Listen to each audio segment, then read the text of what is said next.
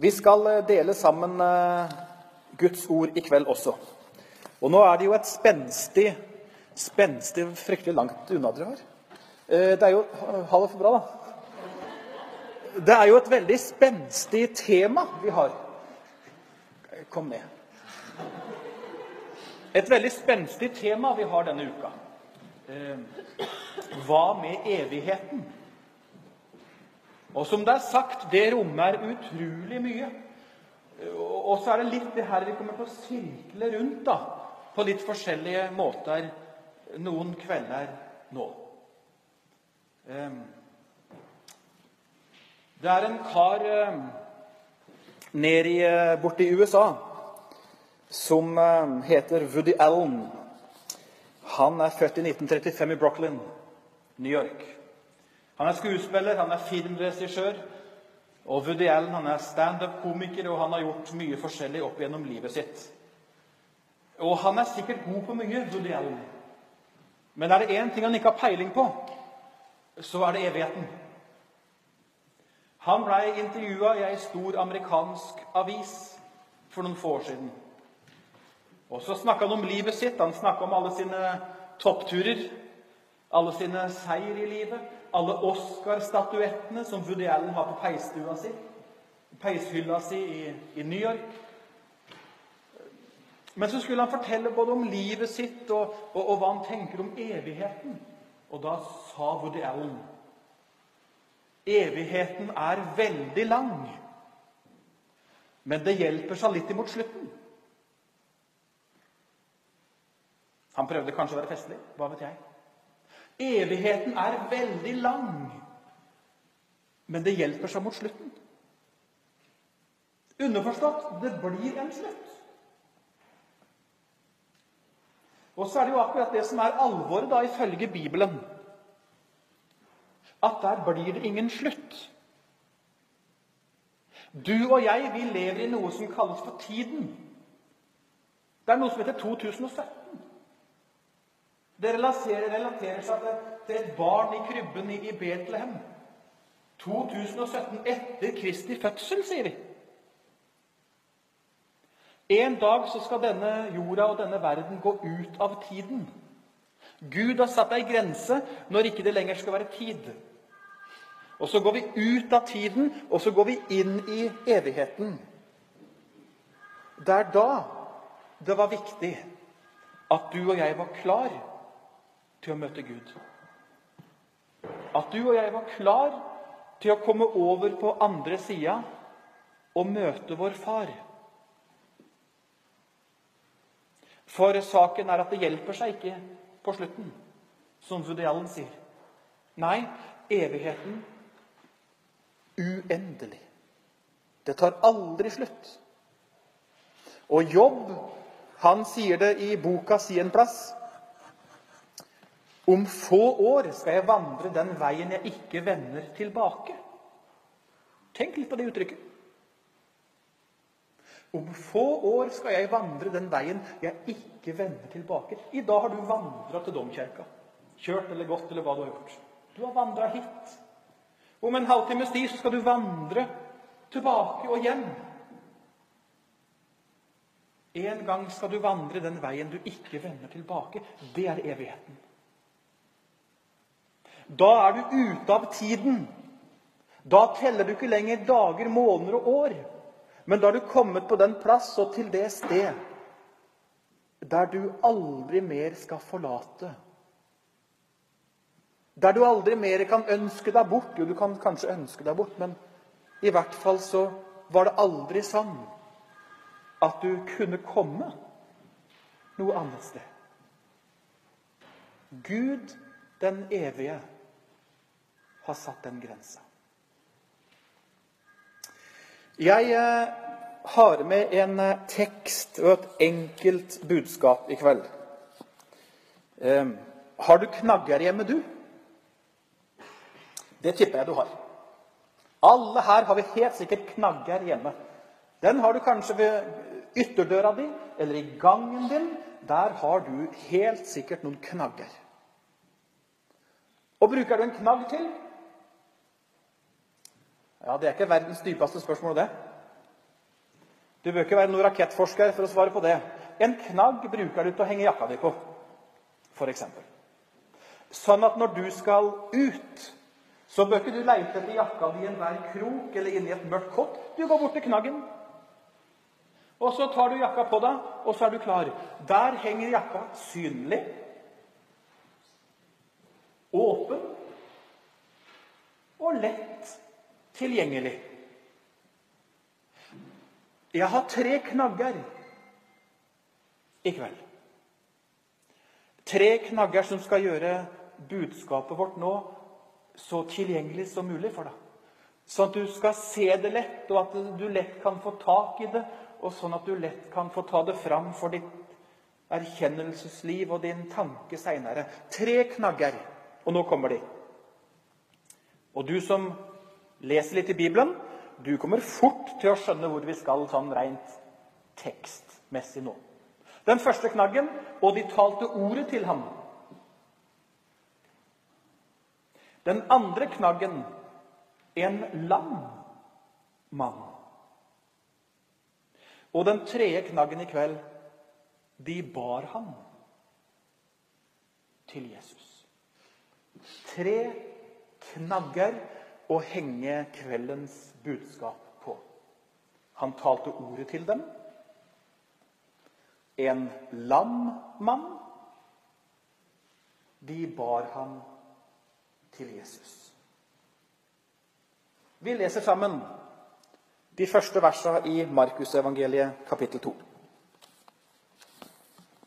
Der møter vi disse tre knaggene. Markus kapittel 2 og fra starten av. Noen dager senere kom Jesus igjen til Kapernaum, og det blei kjent at han var hjemme. Straks samla det seg så mange mennesker at de ikke fikk plass, ikke engang ved døra. Og han talte ordet til dem. De kom da til han med en mann som var lam, som blei båret av fire mann. Pga. folkemengden kunne de ikke få båret han fram til Jesus. De brøyt da opp taket over stedet der han var, og da de hadde fått en åpning, fyrte de ned båra som den lamme lå på. Da Jesus så deres tro, sa han til den lamme, 'Barn, dine synder er deg forlatt.' Men noen av de skriftlærde satt der og tenkte i sitt hjerte hvordan kan han tale slik? Han spotter Gud. Hvem kan forlate synder uten én? Det er Gud.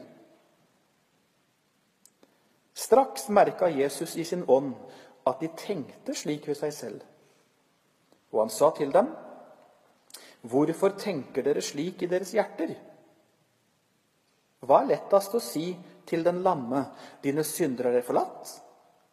Eller å si, 'Stå opp, ta båra di og gå'? Men for at dere skal vite at menneskesønnen har makt på jorda til å forlate synder, og nå taler han til den lamme.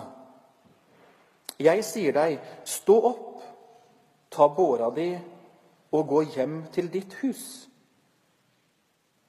Og han sto opp, tok straks båra og gikk ut for øynene på dem alle. Så alle blei ute av seg av undring. Og de priste Gud og sa, slikt har vi aldri sett. Den første knaggen i kveld, og han talte ordet til dem. Jesus er hjemme igjen i Kapernaum. Han hadde vært ute på ei reise nå, og så var han kommet hjem igjen. Hjem igjen til Kapernaum. Det var rett i området der Peter holdt på med fiskebåtene sine. Det var rett i området der som Jesus uttaler bergprekenen. Matteus kapittel 5 og 6 og 7. Der i nordenden av Genesaretsjøen. Det er det flotte vannet i Israel som er 2,2 mil langt fra nord og til sør. Står du i nordenden ved Kapernaum og så ser du nedover, så kan du ved fine solskinnsdager se helt ned på andre sida. 2,2 mil. Der er Jesus nå. Hjemme igjen i nordenden i Kapernaum-området, på toppen av Genesaretsjøen. Hva gjør han? Og han talte ordet til dem. Hvorfor gjorde du det, Jesus?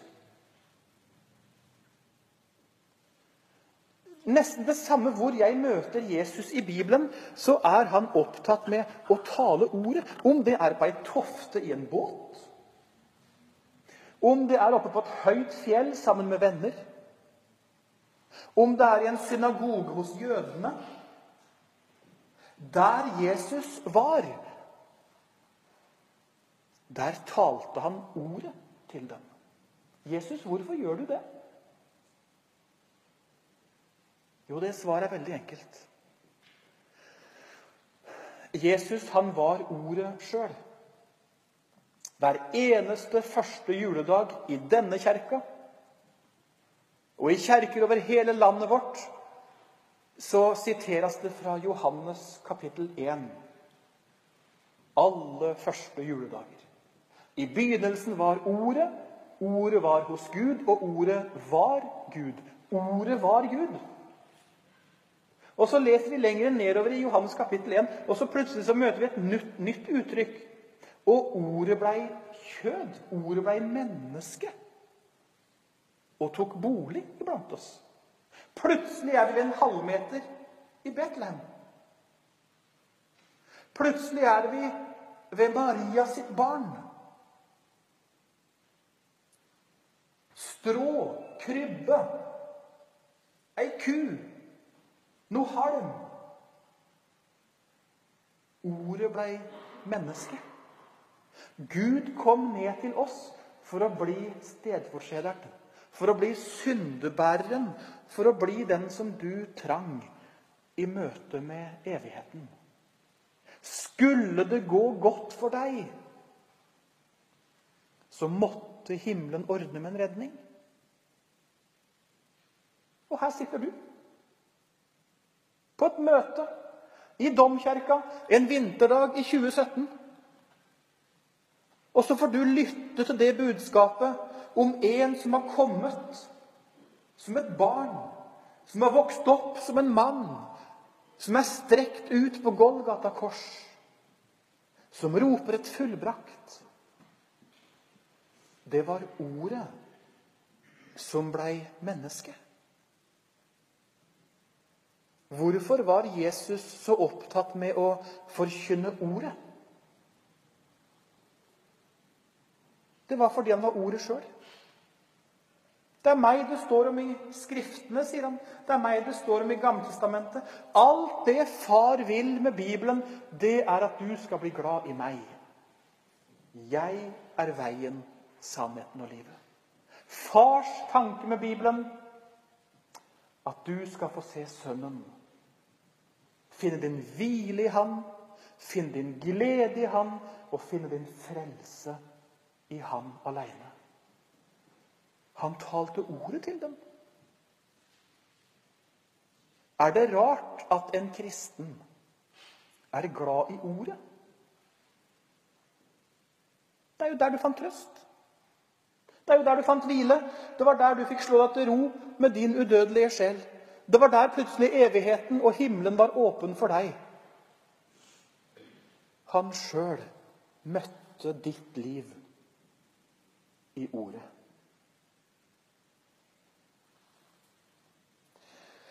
Den andre knaggen Den første, han talte ordet til dem. Nå er vi ferdig med den.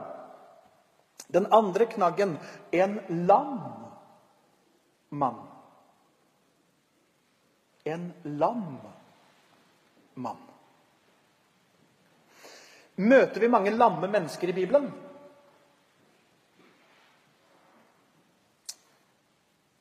Vi møter en del blinde. Vi møter enda flere spedalske. Jeg har lenge gått og tenkt at lamme det møter vi ganske mange av i Bibelen. Jeg slo opp i ei ordbok, bibelordbok for ikke så lenge siden.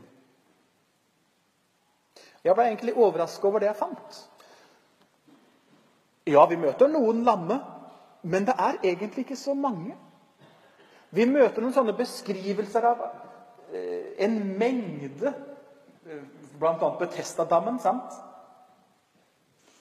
Den derre dammen i, Jerusalem som ble rørt opp en gang i året når en engel kom.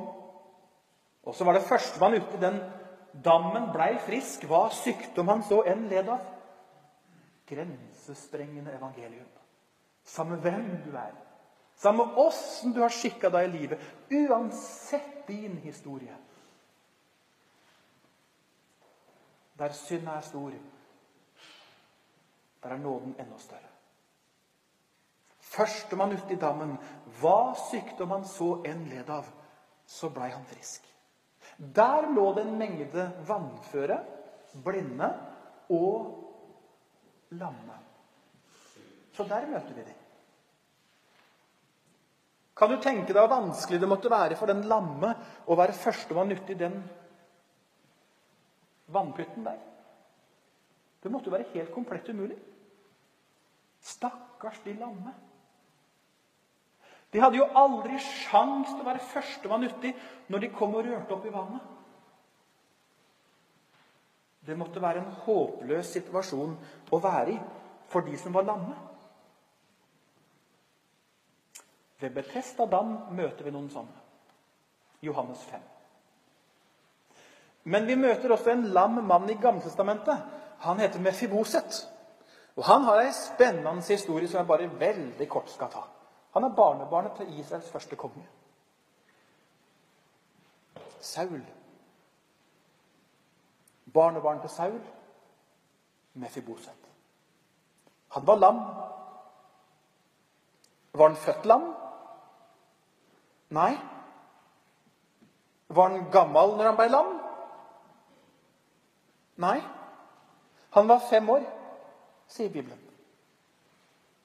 Da skjedde det noe veldig dramatisk i familien og i omstendighetene rundt. Og så kommer det ei tjenestepike og grabber tak i fem år gamle Mefiboset. Røsker han ut, bærer han vekk ut av en vanskelig, dramatisk situasjon. Men hun er uheldig. Og idet hun skal komme seg ut og bort og vekk, så mister hun gutten. Fem år gammel. Han deiser i bakken.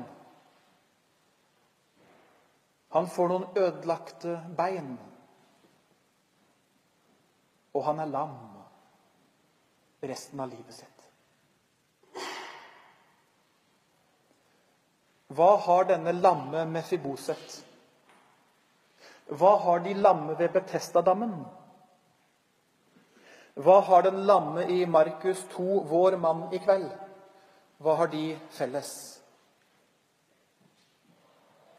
En håpløs situasjon. De var uten mulighet til å bevege seg. Og hør De var uten mulighet til å bevege seg imot Jesus.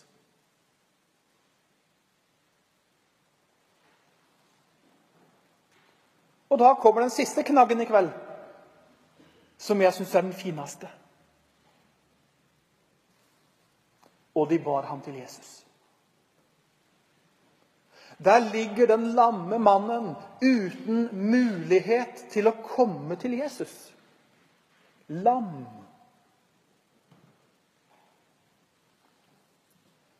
Og så har han altså Nå skal ikke jeg dramatisere det her mye. Han har fire kamerater. Du verden så heldig han er. Disse fire kameratene hører at nå er Jesus i byen. De finner ut hvor huset er. De får snekra sammen ei båre. De får kameraten oppå, og de begynner å gå. Og så er det altså, når de kommer fram til huset De kommer ikke inn, for det er fullt av folk. Gangen, stua, kjøkkenet, stinn brakke. Så er det en av de fire. Skal vi prøve oss opp på taket? Ja, funker det? Vi kan prøve. Og Så kommer de seg opp på taket, og så får de med seg båra av kompisen opp forsiktig. Og så får de vekk noe, noe Det som taket er laga av der. Og så får de en liten åpning, og så firer de kameraten sin forsiktig ned rett foran Jesus sine føtter. Så heldig han var. Så heldig han var. Han hadde noen kamerater som bar ham til Jesus. Han som var lam. Jeg skal bruke de siste minuttene i kveld på bare å si det sånn Jeg har tenkt på denne nøden som de fire måtte ha. Det var ikke likegyldig for de åssen det gikk med kameraten. De måtte få ham til Jesus. Det var sikkert ei tung bør å bære der de gikk bortover. Men de måtte. For de måtte få ham til Jesus. Du, det er sagt, og det er spurt, hva er den tyngste bør et menneske kan bære?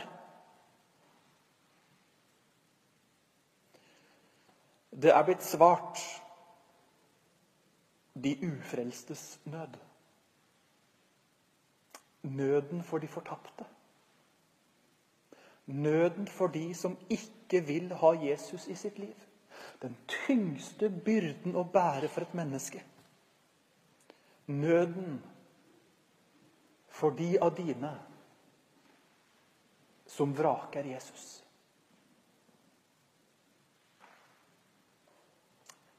Jeg tror det er sant for dem som får leve livet sitt over en åpen bibel. Jeg tror det er sant for den som lever i vekkelsen med livet sitt. Og som, som daglig du, du, trenger å komme inn til Jesus med din synd og med dine fall og med alt det som, som går imot. Og så må du til Jesus med livet ditt. Og når du kommer til Jesus, ja, så møter du noe av hans sinn. Noe av hans hjertebank ut imot en døende verden.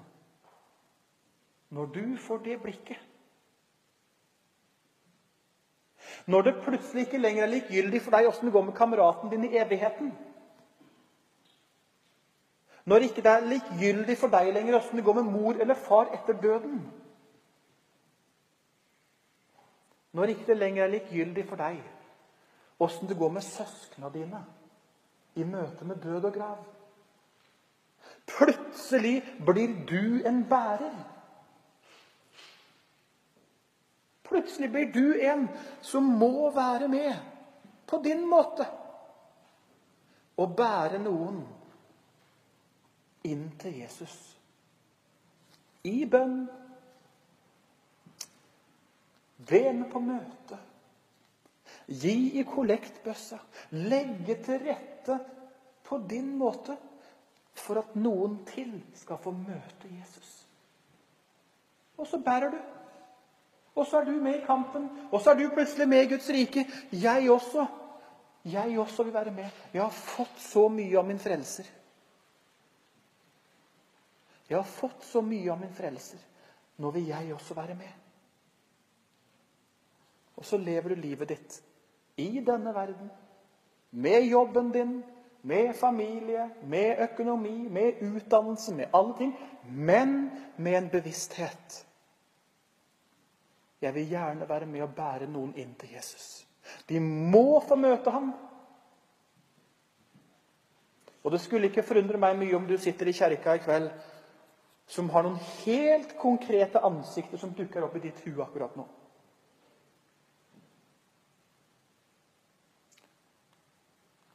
Noen som du stadig bærer på. Noen som du stadig bærer på.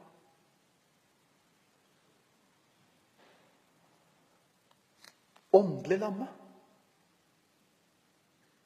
Uten evne til å gå til Jesus.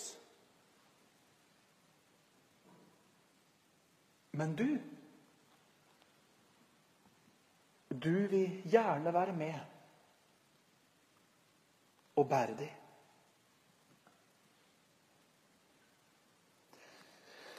For uh, tre uker siden opplevde jeg noe veldig fint.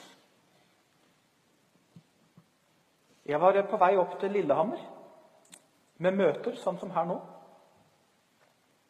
På det første møtet, den første kvelden, kom det en mann i 40-åra fram i avslutningen av møtet for tre uker siden. Kikka meg inn i øynene mine, dyvåte av tårer. Kan du be for meg? Jeg må bli frelst. Jeg har opplevd en del ganger å be med folk til frelse, men aldri på et første møte. Første møte, første tirsdag, rett i avslutningen. Kom en, jeg må bli frelst. Vi satt foran og ba sammen og leste sammen i ordet og prata sammen. Han satt ikke aleine på første benken. Og det var derfor jeg hadde lyst til å ta det med i kveld. Han satt ikke aleine. Der foran, der satt det tre til. To voksne menn og ei kone. Og som de hadde bedt. Og som de hadde båret i årevis. De hadde vært i nød, de hadde gråte, og de hadde kjempa med sin Gud. Nå må han komme, han òg. Det må ikke gå feil i evigheten. Han må få møte Jesus. Og plutselig, på et helt vanlig tirsdagsmøte med en enkel emissær fra Misjonssambandet på Lillehammer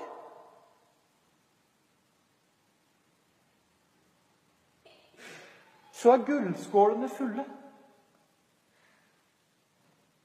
Og så øser Gud sitt bønnesvar ut. Og så sitter han der i takk. I dyp takk, både han og vennene. Det var noen som i lang, lang tid hadde båret. Og nå var han kommet fram til sin frelser. Kan jeg fortelle noe veldig tøft som skjedde kvelden etterpå? Det har jeg heller aldri opplevd før. På det møtet var det en del barn.